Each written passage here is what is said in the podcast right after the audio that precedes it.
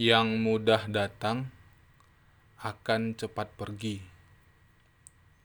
Sebuah cerpen karangan Amalia Black.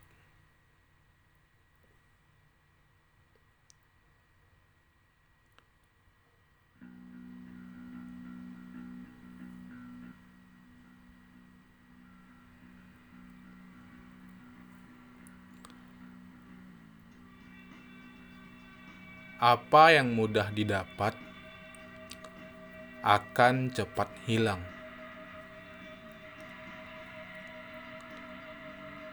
Caleb mempelajari itu sejak bertahun-tahun lalu.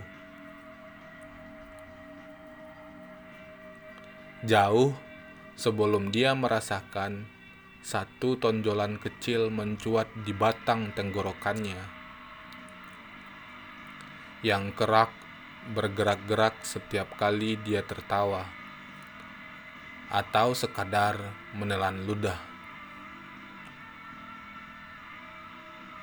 Jauh sebelum Kaleb punya kemampuan ereksi setiap kali melihat belahan dada mulus seorang perempuan.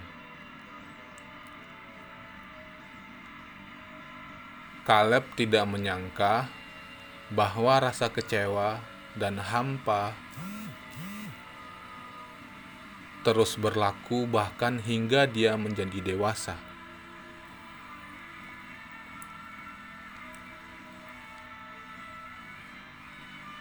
Kurir yang memakai topi hijau menyambangi pintu nomor 203. Mengintip dari bilik lubang kecil, memastikan bahwa kamar itu tidak kosong, kemudian mengetuk.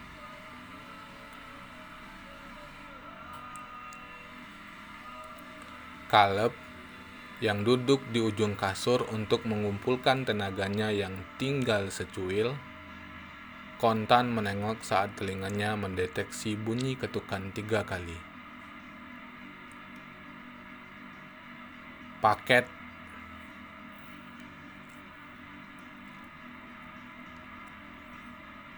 Caleb menguat dan bangkit.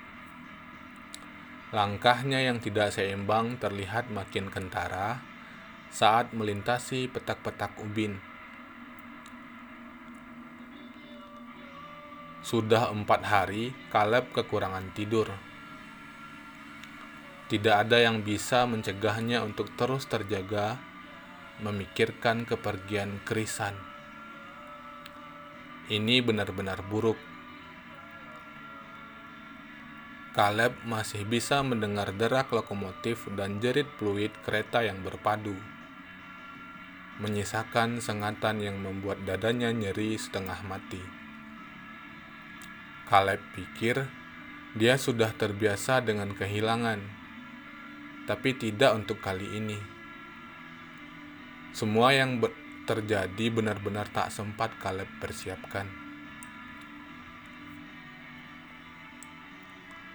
Kurir bertopi hijau muncul dengan seringai kaku ketika Caleb membuka daun pintu, menyerahkan satu dus yang dibalut plastik hitam. Caleb mendesah cenderung melenguh ketika membaca alamat pengirimnya dengan saksama. Kurir itu pamit undur diri dan Caleb menutup kembali pintunya dengan sedikit sentakan. Dalam, kelitah, dalam kelitihan tiada tara, Caleb melempar paket itu hingga membentur sudut dinding dan menggelinding di bawah kaki sofa. Caleb mengusap wajah, merasakan energinya betul-betul terkuras. Mungkin sebentar lagi dia akan kehabisan asupan oksigen di kepalanya. Wajah Krisan pun membayang lagi yang bagi Caleb adalah wujud nyata dari ketertarikannya yang tak biasa. Caleb bergerak terhunyung, lalu ambruk kembali di atas kasur seperti orang mabuk. Matanya terpejam, merasakan persendian yang menopong tubuhnya perlahan lumpuh. Di ambang kesadaran, benak Caleb masih berputar-putar membentuk banyak sekali pertanyaan. Dia berpikir dengan jutaan sel sperma yang berenang secara membabi buta dalam kegelapan, sungguh sangat kecil kemungkinan untuk seseorang menjadi apa adanya kini. Lalu bagaimana bisa pecundang seperti dirinya tetap eksis dalam dunia ini? Dari sperma siapa sebetulnya aku berasal? Kaleb tak pernah tahu. Pada saat seperti ini, Kaleb merindukan dirinya yang tak pernah ada. Wajah Krisan muncul silih berganti, dan Kaleb kian tersesat ke dalam bayangan itu.